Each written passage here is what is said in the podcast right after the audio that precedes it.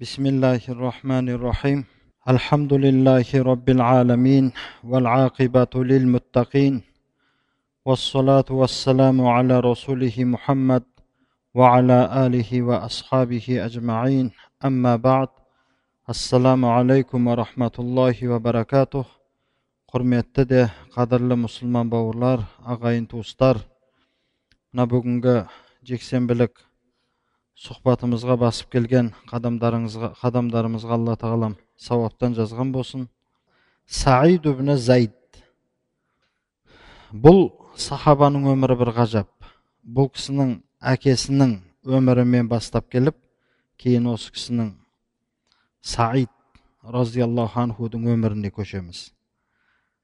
Бисмиллахи рахманир рахим саид ибн зайдин аллахумма إن كنت حرمتني من هذا الخير فلا تحرم منه ابني سعيدا زيد والد سعيد يا аллам егер де мені осы жақсылықтан махрұм еткен болсаң да менің балам саидті бұл жақсылықтан махрұм етпегін деген екен осы саидтің әкесі зәйіттің сөзі бұл ол енді бұл сөзді қандай жағдайда айтқан екен оны иншалла дәрістің барысында білетін боламыз وقف زيد بن عمرو بن نفيل بعيدا عن زحمة الناس يشهد قريشا وهي تحتفل بعيد من أعيادها فرأى الرجال يعتجرون العمائم السندسية الغالية ويختالون بالبرود اليماني يمانية الثمينة وأبصر النساء والولدان وقد لبسوا زاهي الثياب وبديع الحلل ونظر إلى الأنعام يقودها الموسرون بعد أن حلوها بأنواع الزينة ليذبحوها بين أيدي الأوثان. فوقف مسندا ظهره إلى جدار الكعبة وقال يا معشر قريش الشاة خلقها الله وهو الذي أنزل لها المطر من السماء فرويت وأنبت لها العشب من الأرض فشبعت ثم تذبحونها على غير اسمه إني أراكم قوما تجهلون бұл саидтің әкесі заид жахилият дәуірінің өзінде басқа арабтар сияқты надандық батпағына батып кетпеген бәлкім өте парасатты ақыл иесі болған адам екендігін білеміз осы жерден. Зайд ибн амр ибн нуфайл зайд ибн амр. Бұл саид ибн заидтің әкесі. Қазіргі айтайын деп тұрған кейіпкеріміз сахабаның әкесі зайд ибн амр ибн нуфайл топ боп тұрған адамдардан ұзағырақ тұрды. Ол құрайышты көріп тұратын еді. Олар өздерінің бір мейрамдарынан болған бір мейрамды мерекелеп жататын еді. Еркектерін көреді олар бастарына қымбат баға сондай бір қымбат матадан оралған сәлделерді орап алған. Яманилік қымбат баға тондарды үстеріне киіп алып тәкаппарланып кекірейіп жүрген еркектерді көреді. Әйелдер мен балаларға қараса олар үстеріне жалтыраған киімдер киіп алған өте әдемі жібек киімдер киіп алған. Ал енді олардың жануарлары әлгі түйелері басқа жануарларына қараса оларды байлар жетектеп кетіп бара жатады. Оларды түрлі зейнеттермен түрлі әшекейлермен зейнеттеп алған түрлі әшекейлермен оларды салтанатпен бір зейнеттеп алғанын көрді. Не үшін? Сол құрайыштықтар өздерінің бұттары үшін әлгі хайуандарды сою үшін жетектеп алып кетіп бара жатқанын көреді. Олардың үстіне сондай бір қымбат маталар жабылған үсті басы таралған. Қысқасы не керек? Бұл сырттай соның барлығын бақылап тұрды енді. Зайд ибн амр ибн кейін кабаның дуалына арқасын сүйеп тұрып былай деді. Ей құрайш жамағаты қой алла оны жаратты. Оған аспаннан жаңбыр түсірді. Сол қой алла тағала өзі жаратқан қойына аспаннан жаңбыр түсірді. Ол сол суды ішіп шөлін қандырады қой. Және сол қой үшін алла тағала жерден бір шөптерді өстіріп шығарады. Соны жеп ол қой тояды қарнын тойдырады. А сендер болсаңдар оны алладан басқа нәрсенің атымен атап тұрып сойып жатырсыңдар. Әлгі бұттарға арнап сояды ғой. Соны айтып жатыр қой өзі бұны алла жаратқан. Сендер емес оны жаратқан дегені ғой. Оған аспаннан шөлін қандыру үшін жаңбыр түсірді. Қарнын тойдыру үшін жерден шөп өстіріп шығарды. А сөйткен алла тағаланың атынан басқа нәрсеге арнап сендер ол қойды соясыңдар. Мен сендерді өте надан қауым деп білемін деген екен. Қараңыз мына зайд ибн амрдың өзі әлі ислам пайғамбарымыз саллаллаху алейхи уассалам әлі бері пайғамбар болып жіберілмеген дәуірдегі әңгіме бұл. Ол заманда арабтардың ішінде жаңағы айтқанымыздай надандық зүлмат батпағына батпағанның өзі жоқ еді. Бірен саран осындай адамдар болмаса. فقام إليه عمه الخطاب والد عمر بن الخطاب فلطمه وقال تبا لك ما زلنا نسمع منك هذا البذاء ونحتمله حتى نفد صبرنا.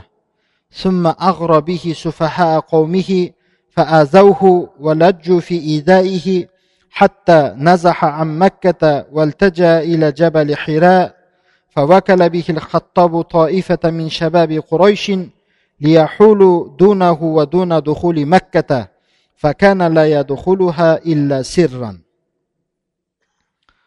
сол сөзді айтып тұрған кезде хазіреті умар ибн хаттабтың әкесі хаттаб хазіреті умар халифаның әкесі хаттаб оны шапалақпен тартып жіберді сөйтті де оған айтты ей құрып кеткір біз қашаннан бері сенің осы бір ақымақ сөздеріңді естіп келе жатырмыз. Және сол сенің сөздеріңді көтеріп келе жатырмыз. Енді біздің сабырымыз да бітті енді. Деп әлгіндей шапалақпен тартып жіберіп құрайыштың яғни өзінің қауымының бір жындыларын қайрап мынаған жақсылап тұрып жазасын беріңдер деп ұрыңдар соғыңдар деп олар бұған азар беруде шынында да аянбастан түрлі азарларды жеткізді. Сол дәрежеде азар жеткізді. Бұл енді мекке қаласынан ұзақтауға мәжбүр болды. Сөйтіп пайғамбарымыз саллаллаху алейхи уассаламға әуел құран аяттары түсе бастаған хира тауына қарай барып сол паналады. Сонда да қоймай хазіреті омардың әкесі хаттап құрайыштың жас жігіттерінен болған бірнеше тобын бір тобын тағы да оның артынан жіберді соларға тапсырды ананы қайтып меккеге кіргізбеңдер ол не болса соны айтып біздің ата бабаларымыз сиынып келе жатқан мына бұттарымызды ақымаққа санап жатыр деген сияқты ғой сөйтіп олар бұны меккеге кіргізбеуге бұның жолын тосты енді хазіреті омардың әкесі хаттап тапсырған бір тайпа яғни бір топ жас жігіттер бұны меккеге кіргізбейтіндей етіп мекке мен бұның арасын тосып қойды бұл расында да меккеге кірмейтін еді кірсе де жасырынып тығылып меккеге кіріп шығып жүретін еді міне сондай қиыншылыққа тап болды енді бұл кісі зайд ибн амр саид ибн зайдтың әкесі ثم إن زيد بن عمرو بن نفيل اجتمع في غفلة في من قريش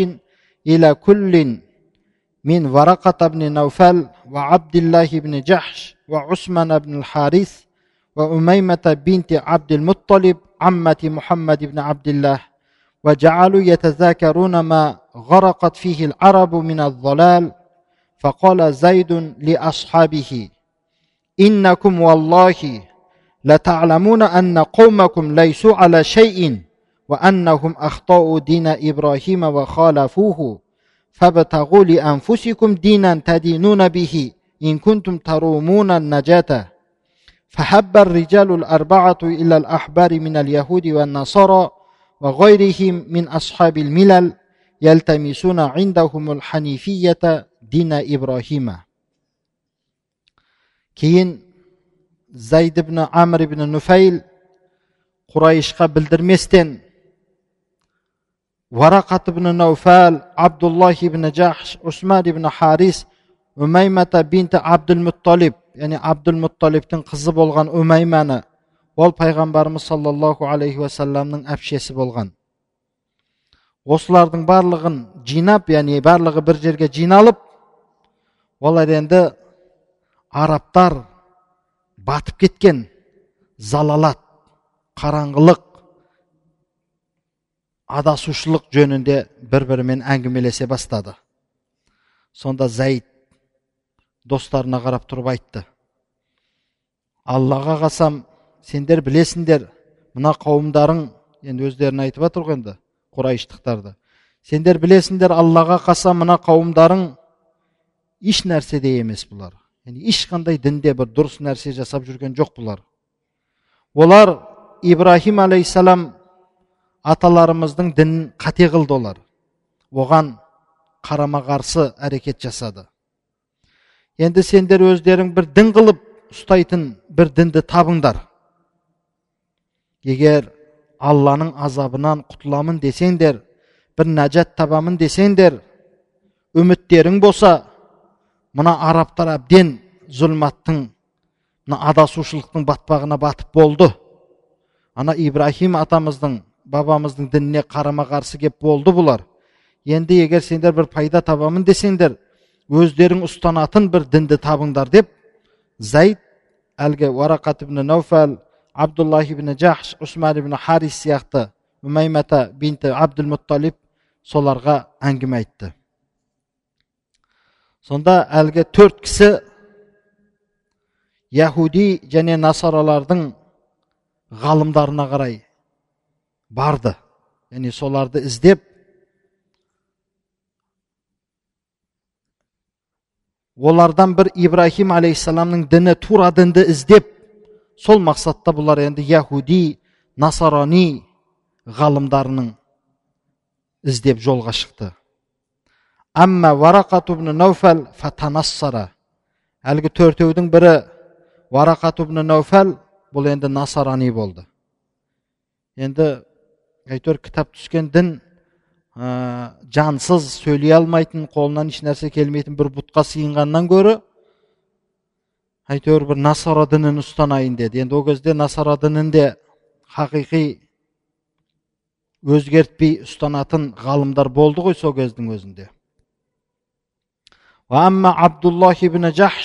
Усман ибн харис фәләм ясила иля шәйин ал енді абдуллах ибн жахшпен бұл сахабаның өмірін өтіп кеттік біз өзі абдуллах ибн жахшты және усман ибн харис бұл екеуі еш нәрсеге жете алмады иә бұлар яхудилерге де барып олардың бір дінін таңдай алмады насараларға да бара алмады бұлар وأما زيد بن عمرو بن نفيل فكانت له قصة فلندع له الكلام ليرويها لنا ал енді бүгінгі сахабамыз саид ибн заидтің әкесі зайд ибн амир ибн нуфайлдің ол үшін бір қисса бар ол қиссаны біздерге ол өзі риуаят қылып берсін біз сөзді соған берейік дейді енді былай қарай зайд ибн амр өзі айтып кетеді وقال زيد بن عمرو وقفت على اليهودية والنصرانية فأعرضت عنهما إذ لم أجد فيهما ما أطمئن إليه وجعلت أضرب في الآفاق بحثا عن ملة إبراهيم حتى صرت إلى بلاد الشام فذكر لي راهب عنده علم من الكتاب فآتيته فقصصت عليه أمري فقال أراك تريد دين إبراهيم يا أخ مكة؟ قلت نعم ذلك ما أبغي. فقال إنك تطلب دينا لا يوجد اليوم ولكن الحق ببلدك فإن الله يبعث من قومك من يجدد دين إبراهيم فإذا أدركته فالتزمه endi zayd ibn amir былай дейді мен яхудилердің де насранилердің де дінін тексеріп шықтым енді олардан мен сырт айналдым дейді яғни оларды мен ұстана алмадым ол дінді өйткені олардан менің көңілім жай табатын нәрсені таппадым бір хақты таппадым дегені ғой сол үшін мен ибраһим алейхисаламның діні тура дінді іздеп атрафтарға жол кезіп кеттім.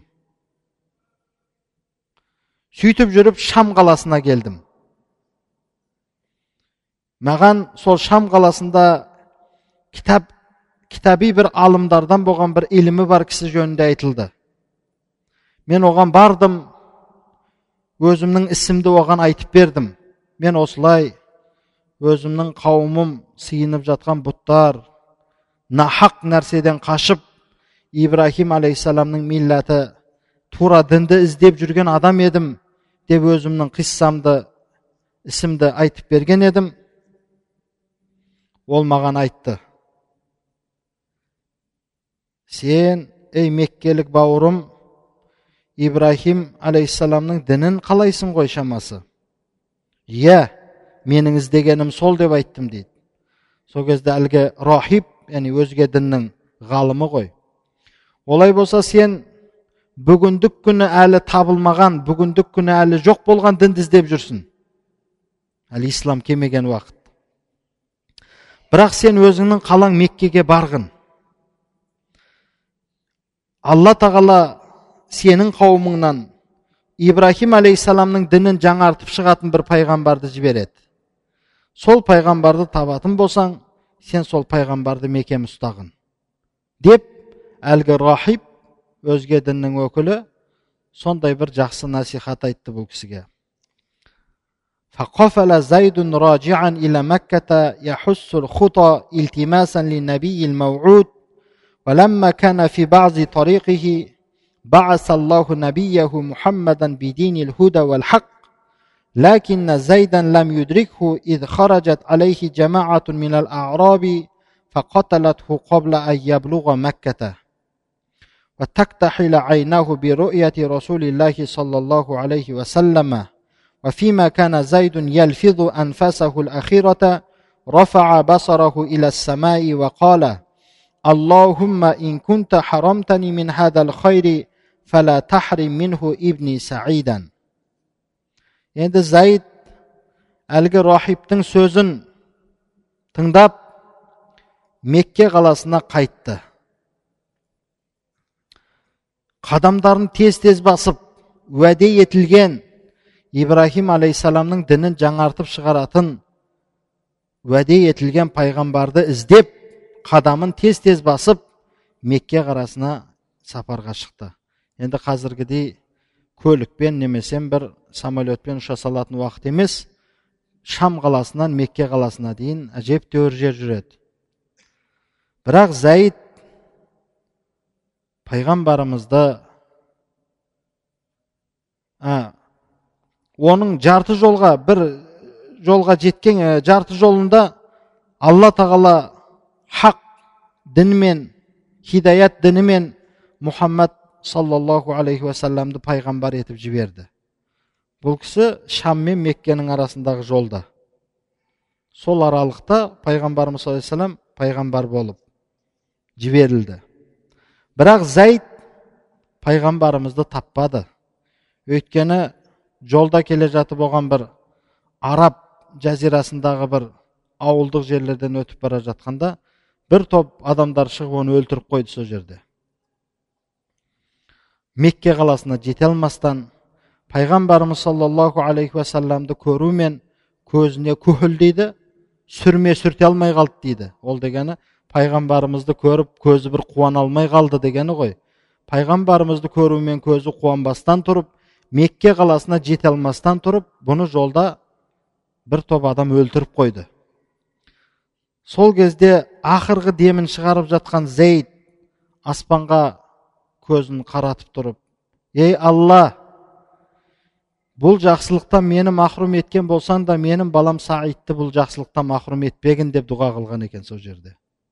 Ол жақсылық әрине алланың хақ діні ислам пайғамбарымыз саллаллаху алейхи уассаламның үммәті болу пайғамбарымыз саллаллаху алейхи иман келтіру бақыты. Сол жақсылықтан мені махрұм етсең де менің балам саидты одан махрұм етпегін деп дұға қылып кеткен екен. енді былай қарай оның баласының тарихы кетеді وشاء الله سبحانه أن يستجيب دعوة زيد فما إن قام الرسول عليه الصلاة والسلام يدعو الناس إلى الإسلام حتى كان سعيد بن زيد في طليعة من آمنوا بالله وصدقوا رسالة نبيه الله سبحانه وتعالى قلب زيد ибн амр ибн нуфейлдің дұғасы қабыл болған екен пайғамбарымыз саллаллаху алейхи уассалам пайғамбар болып ақ адамдарды исламға шақыра бастаған шақта саид ибн зайд алла тағалаға иман келтірген пайғамбарымыз саллаллаху алейхи уассаламның пайғамбарлығын растаған адамдардың әуелгілерінен болды فقد نشأ سعيد في بيت يستنكر ما كانت عليه قريش من الضلال وربي في حجر أب عاش حياته وهو يبحث عن الحق ومات وهو يركض لاهسا وراء الحق бұл жерде таңғалатын еш жоқ дейді яғни саид ибн зайдтың пайғамбарымыз саллаллаху алейхи уассаламды растаған аллаға иман келтірген адамдардың біріншілерден болып исламға кіруінде бір ғажап бір таңғалатын нәрсе жоқ. Өйткені бұл саид сондай бір үйде өсті. Ол үй құрайыштың залалаттағы құрайыштың істеп жатқан істерін жек көретін үйде өсті бұл. Расында да әкесі жек көретін еді. Бұл кішкентайынан әкесінің ана құрайыштардың жаман әдеттерін жек көретінін естіп өскен бала? Және де бұл саид сондай бір әкенің бауырында тәрбиеленді. Ол әке өмірін алла тағаланың хақын алла тағаланың хидаятын хақты іздеп өткен хақты өмірінде іздеп өткен әкенің бауырында тәрбиеленген еді бұл бала. Және өліп бара жатып ол хақтың арқасынан қансырап жүгіріп бара жатып өліп қалған әкенің бауырында өскен еді бұл бала дейді. Расында әкесі сонау шам қаласына барып жолда келе жатып адамдар өлтіріп қансырап жатып е алла мені бұл бақыттан махрұм етсең де балам саидты бұл бақыттан жақсылықтан махрұм етпегін деген әке хақтың артынан жүгіріп жүріп қансырап өлген адам ғой ол.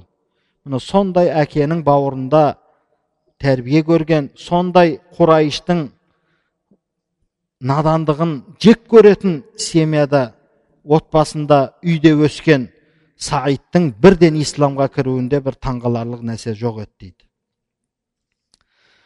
ولم يسلم سعيد وحده وإنما أسلمت معه زوجته فاطمة بنت الخطاب أخت عمر بن الخطاب бұл саид ибн заид өзі ғана ислам келтіріп қойған жоқ өзі ғана исламға кіріп қойған жоқ әлбетте оның әйелі хазіреті омар разиаллаху анхудың қарындасы болған хаттабтың қызы фатима да исламға кірді хазіреті омардан алдын бұл саид пен оның қарындасы оның да тарихын естігенсіздер ғой үйінде құран оқып отырғанда хазіреті омар келіп екеуіне сондай бір ғазап көрсетіп сонда құран аяттары оқылған кезде хазіреті омардың жүрегі жібіп расулалла саллаллаху алейхи уассалам қай жерде отыр қазір деп барып иман келтірген хазіреті омар демек бұл саид ибн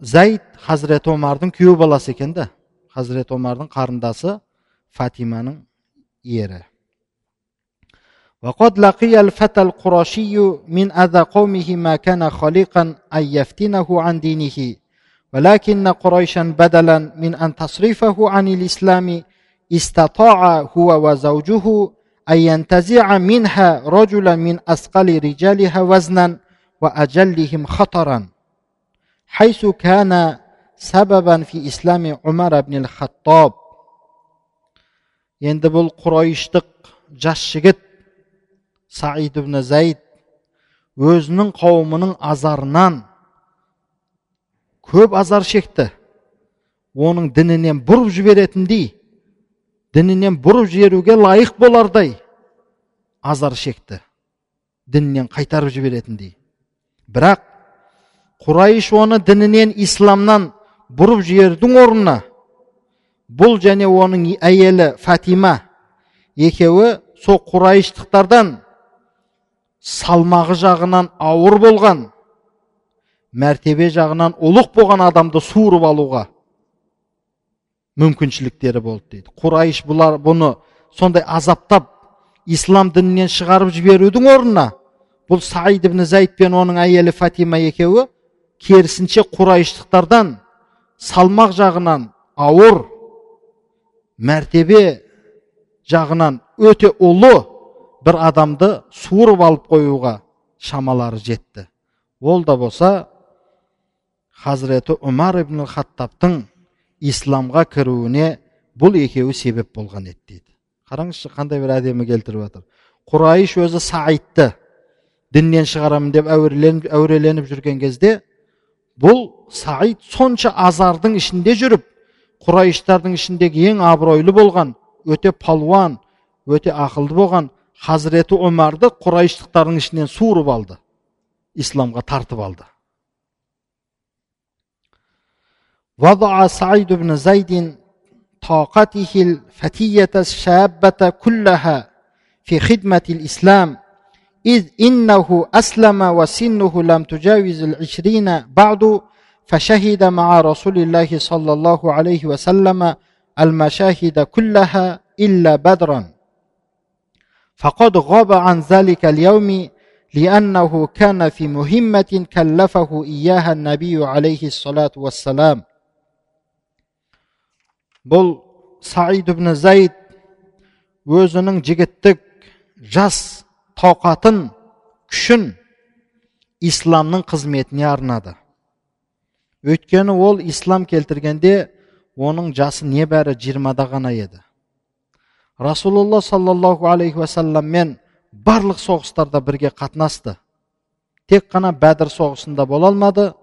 Өйткені бәдір соғысында бола алмауы пайғамбарымыз саллаллаху алейхи уассалам тапсырған өте бір маңызды шаруамен болып қалып пайғамбарымызбен бірге тек қана бәдір соғысында ғана бірге бола алмады қалған мәшәһидтердің яғни ғазаттардың барлығында пайғамбарымызбен бірге болды жиырма жасынан бастап есептей беріңіз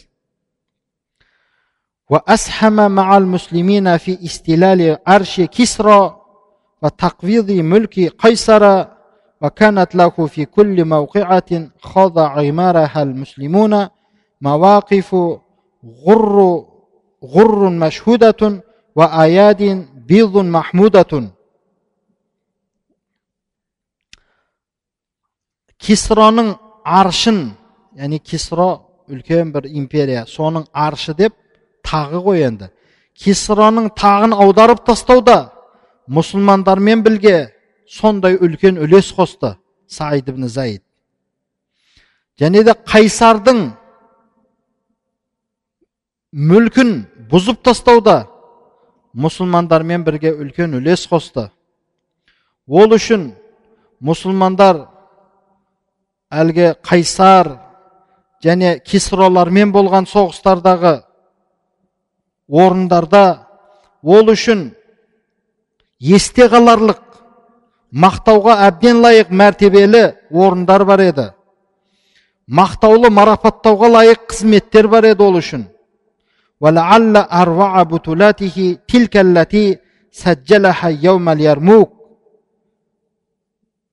Оның батырлығының ең бір шегіне жеткен батырлығының ең бір әдемісі ол сол бір оқиға оны ярмук күні жазып қалдырған еді.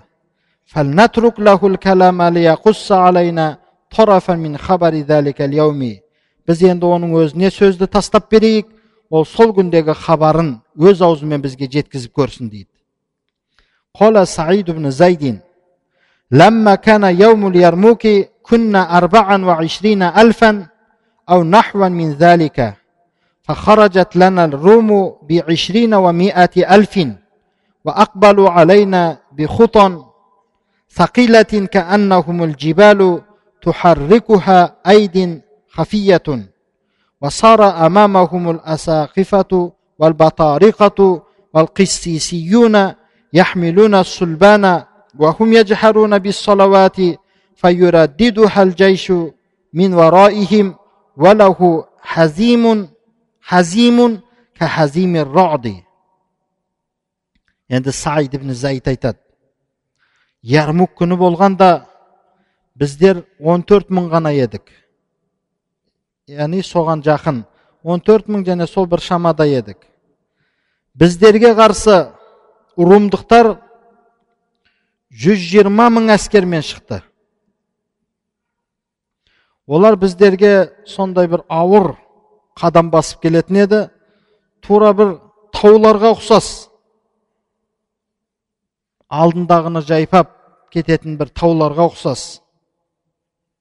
Олардың алдарында олардың асақифа батарика қиссисиюн деп дін өкілдерінің басшылары олар крестерді көтеріп алып салауаттар айтып келетін еді дейді. Енді қандай салауат айтады? Енді оны біз білмейміз олардың салауаттарын. Олардың артында келе жатқан әскерлер олардың айтқан әлгі салауаттарын қайталап келе жататын еді. Олардың сондай бір найзағайдың даусындай болған бір дауыс шығатын еді дейді олардан. Енді оның барлығы қарсы әскердің бір үрейін алу үшін алдарына әлгі дін басшыларын қойып қойып олардың қолдарына крестерді беріп қойып зікірлерді айтқызып қойып 120 мың әскер келе жатыр. А мына жақта мұсылмандар 14 ақ мың сол шамада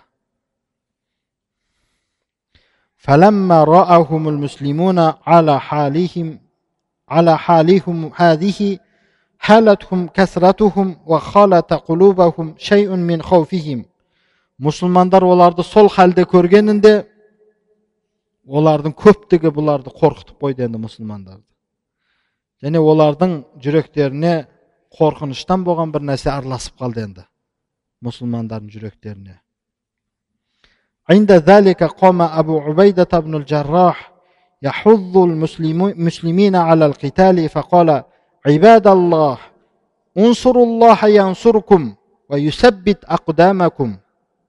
عباد الله اصبروا فإن الصبر منجاة من الكفر ومرضاة للرب ومدحصة للعار.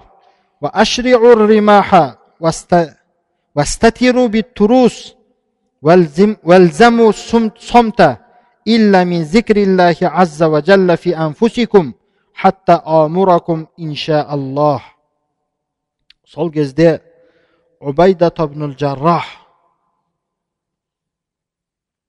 мұсылмандарды соғысқа қызықтырып олардың жүректеріндегі қауіпті шығару үшін былай деді ей алланың құлдары Аллаға жәрдем беріңдер алла сендерге жәрдем береді. Сендердің қадамдарыңды мықтап орнықтырады алла тағалам. Ей алланың пенделері сабыр қылыңдар. Өйткені сабыр күфірден құтылу алланың разылығын табатын нәрсе. Адамның ар намысын сақтап қалатын нәрсе. Найзаларыңды туралаңдар. Қалқандарыңды тосыңдар. Тыныштықты сақтаңдар. Тек қана алла тағаланың зікірін жасаңдар нәпсілеріңде. Мен сендерге иншалла әмір еткенімше солай дайын болып тұрыңдар деп убайда ибн жаррах мұсылмандарға сондай бір күш берді. Қола саид. Сол соғыста саид қой енді бұны әңгімелеп келе жатқан. Қола саид. عند ذلك خرج رجل من صفوف المسلمين وقال لأبي عبيدة إني أزمعت على أن أقضي أمري الساعة فهل لك من رسالة تبعث بها إلى رسول الله صلى الله عليه وسلم؟ فقال أبو عبيدة نعم. تقرئه مني ومن المسلمين السلام وتقول له يا رسول الله إنا وجدنا ما وعدنا ربنا حقا. Сонда саид айтып жатыр. Сол сәтте мұсылмандардың саптарының ішінен бір кісі шығып әбу убайдата ибн жаррахқа айтты. Енді бұл мұсылмандардың әскер басы ғой. Мен осы сәтте осы сағатта жан тапсыруды қаладым ниет еттім. Мен осы жерде өлемін. Ей әбу убайда ибн жаррах пайғамбарымыз саллаллаху алейхи уассаламға жіберетін бір хабарыңыз бар ма деді. Сонда әбу убайда жаррах иә хабарым бар деп еді. Онда менен және мұсылмандардан сәлем айтыңыз пайғамбарымызға. Және пайғамбарымызға былай деңіз.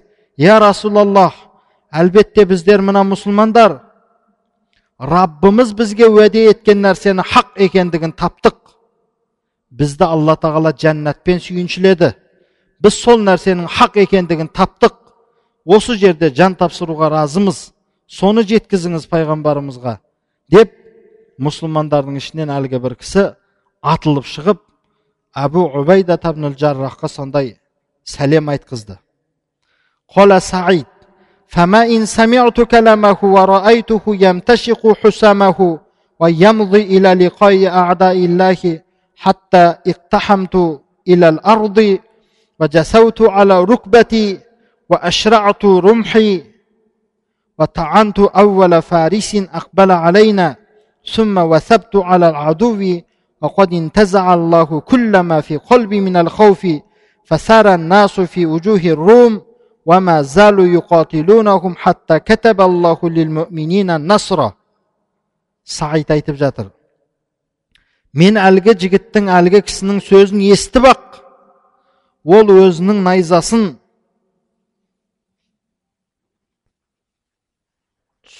қылышын қынабынан суырып алып алланың дұшпандары румдықтарға қарай жүгіргенін көріп жерге қатып қалдым дейді. Сондай тұрған жерімде қатып қалдым. Тізелеп отырып қалдым жерге. Әсерді айтып жатыр енді бұл жерде. Мен де найзамды шығарып біздерге жүгіріп жеткен әуелгі парсыға мен найзамды шаншыдым. Кейін дұшпандарға қарай атылып секіріп шабуылға шықтым. Алла тағала әлгі кісінің сөзімен менің жүрегімдегі бүкіл қауіпті алып тастады дейді. Адамдар румдықтарға қарсы 14 мың әскер ана жақта 120 мың әскерге қарсы алланың достары мен алланың дұшпандары бір біріне қарсы қозғалды арадағы соғыстың нәтижесінде алла тағала мұсылмандар үшін жәрдемді нәсіп етті дейді әне شهد سعيد بن زيد بعد ذلك فتح دمشق فلما دانت للمسلمين بالطاعة جعله أبو عبيدة بن الجراح واليا عليها فكان أول من ولي إمارة دمشق من المسلمين سعيد بن زيد димашқыны фатхыда сондан кейінгі болған димашқыны фатхыда шахид болған екен мұсылмандар оған итаат еткендігін көрген әбу убайда табнул жаррах оны сол димаш қаласына уәли етіп қойды әкім етіп қойды демек мұсылмандардан димаш қаласына әуелгі әкім болған адам ислам тарихында саид ибн заид екен димаш қазіргі дамаск қой сол қаланы фатық қылған сол қалаға әуелгі әкім болған осы кейіпкеріміз саид ибн заид екен وفي زمن بني أمية وقعت لسعيد بن زيد حادثة ظل أهل يثرب يتحدثون بها زمنا طويلا بني أمية zamanında Said ibn Zayd үшін madina qalasining ahli unumi aytib yurayotgan bir voqea bo'ldi uzoq zamonlar aytib yurayotgan aralarında bir voqea bo'ldi zalika anna arva binta uvays زعمت أن سعيد بن زيد قد غصب شيئا من أرضها وضمها إلى أرضه وجعلت تلوك ذلك بين المسلمين وتتحدث به ثم رفعت أمرها إلى مروان ابن الحكم والي المدينة المنورة فأرسل إليه مروان أناسا يكلمونه في ذلك فصعب الأمر على صاحب رسول الله ол нәрсе ол оқиға аруа бинт уайс деген бір әйел саид ибн заидті былай деп айыптаған екен ол ойлады әлгі әйел. Бұл саид ибн заид менің жерімнен бір жерді ғасып қылып яғни ұрлап алып алып өзінің жеріне қосып қойды. Екеуі бір көрші болған болса керек та өзінің жерін кеңейтіру үшін менің жерімнен біраз қосып алды деген нәрсені айтқан екен әлі аруа бинт уайс деген әйел. Және сол сөзін мұсылмандардың арасында үнемі айтып жүретін болды. Мұсылмандар жиналып қалған жерде анау саид ибн заид менің жерімді ұрлап алды тартып алды өзінің жеріне менің жерімді қосып алды менің жерім он сотық еді төрт сотығын алып қойыпты деген сияқты ғой. Сөйтіп ол жаласын бұл жала енді. Марван ибн хакам деген сол кездегі мәдина мұнаввараның әкіміне дейін көтеріп апарды. Енді ол әкімге барғаннан кейін ол әкім үкім ету керек. Ол ақ қарасын ажырап былайша айтқанда сотқа шақыру керек деген сияқты ғой. Сонда марван ибн хакам мәдинаның әкімі уәлисі саид ибн заидке адамдарды жіберді. Онымен сөйлессін деп. Осы мәселе төңірегінде. Сонда пайғамбарымыздың досы болған саид ибн заидке бұл нәрсе өте ауыр тиді وقال يرونني أظلمها كيف أظلمها؟ وقد سمعت رسول الله صلى الله عليه وسلم يقول من ظلم شبرا من الأرض طوقه يوم القيامة من سبع أرضين. اللهم إنها قد زعمت أني ظلمتها فإن كانت كاذبة فأعمي بصرها وألقها في بئرها الذي تنازعني فيه وأظهر من حقي نورا يبين للمسلمين أني لم أظلمها сонда пайғамбарымыздың досы болған саид ибн заидке осы нәрсе ауыр тиіп әлгі келген адамдарға айтқан екен мені зұлым қылды деп ойлап жатырсыңдар ма мен қалай ғана зұлым қылайын Мен пайғамбарымыз саллаллаху алейхи уассаламның былай дегенін естіген едім кімде кім бір қарыз жерге зұлым қылған болса жеті қат жер оның мойнына қиямет күні оралып қойылады деген нәрсені естіп тұрып мен қалайша зұлым қылайын е алла егер ол әйел мені зұлым қылды деп ойлап жатқан болса егер ол жалған болса ол сөзінде айтып жатқан сөзінде жалғаншы болса оның көзін көр қылғын. Және менімен таласып жатқан жеріндегі құдыққа түсіп түсіп кетсін ол. Менің хақтығымды алла тағалам өзің көрсеткін мұсылмандардың арасына менің зұлым етпегенімді алла тағалам өзің көрсеткін деп дұға қылды бұл кісі. Өйткені батып кетті. Ол жүрген жерінде мұсылмандардың арасына ей саид менің жерімді ұрлап алды деп айта бергеннен кейін бәрібір онымен таласып береке таппайтынын білгеннен кейін әлгі адамдар келген кезде соны айтты. Ей мен қалайша зұлым қылайын? Расулалла саллаллаху алейхи уассаламнан естіген едім кімде кім бір қарыз жерге зұлым еткен болса қиямет күні оның мойнына жеті қабат жер оралып қойылады деген нәрсені естіп тұрып мен қалайша зұлым қылайын? деп, деп әлгі әйелге дұға қылған екен. لم يمضي على ذلك غير قليل حتى سال العقيق بسيل لم يسل مثله قط فكشف عن الحد الذي كان يختلفان فيه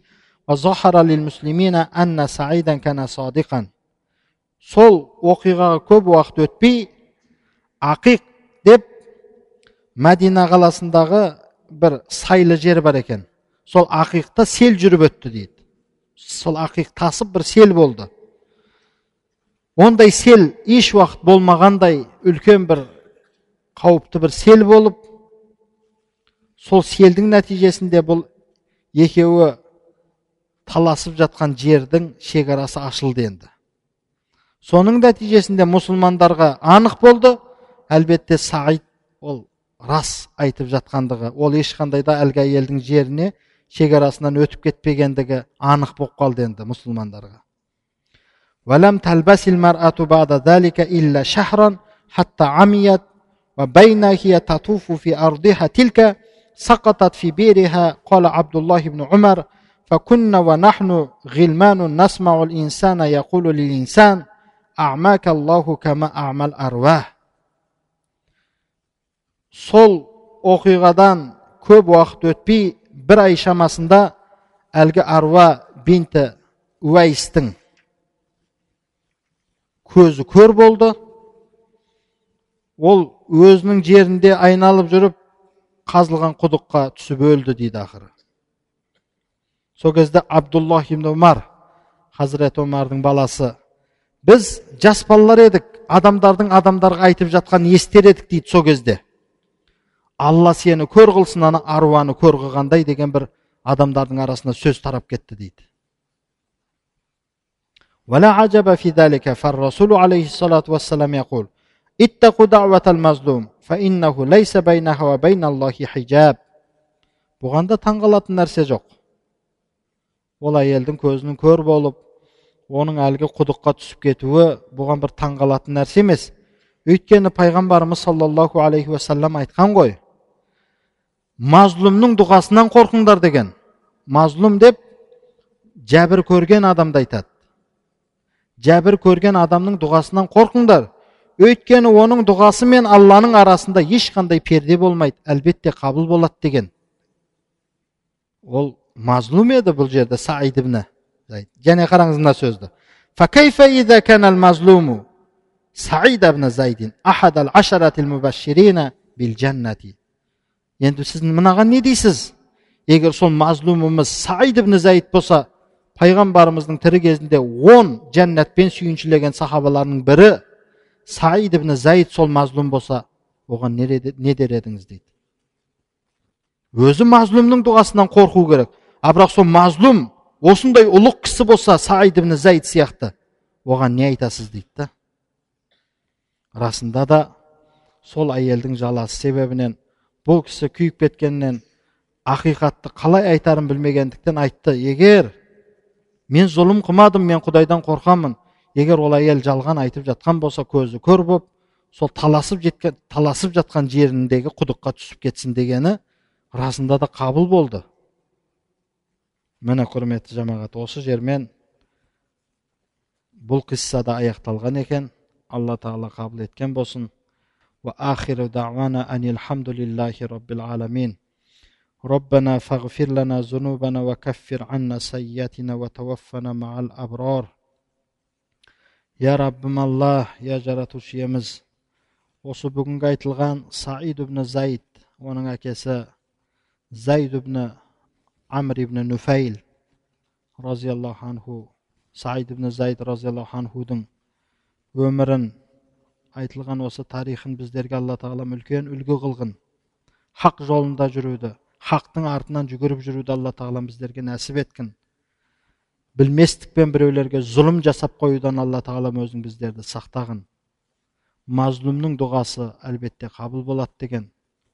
Алла тағалам біздерге ихдина сурат мұстақим тура жолынан адастырмасын. Адасқандардың өзінің ғазабы түскен пенделерінен біздерді алла тағала қылмасын я раббым алла осы медресемізде оқып жатқан тәләбаларымызға шәкірттерімізге үлкен үлкен ілімдер беріп сол ілімдерімен еліміз қазақстанға асыл дінімізді жаюда көп көп қызметтер жасауды алла тағалам нәсіп етсін саллаллаху тағала ала хайри халқихи мұхаммад وعلى آله وأصحابه أجمعين برحمتك يا أرحم الراحمين الله أكبر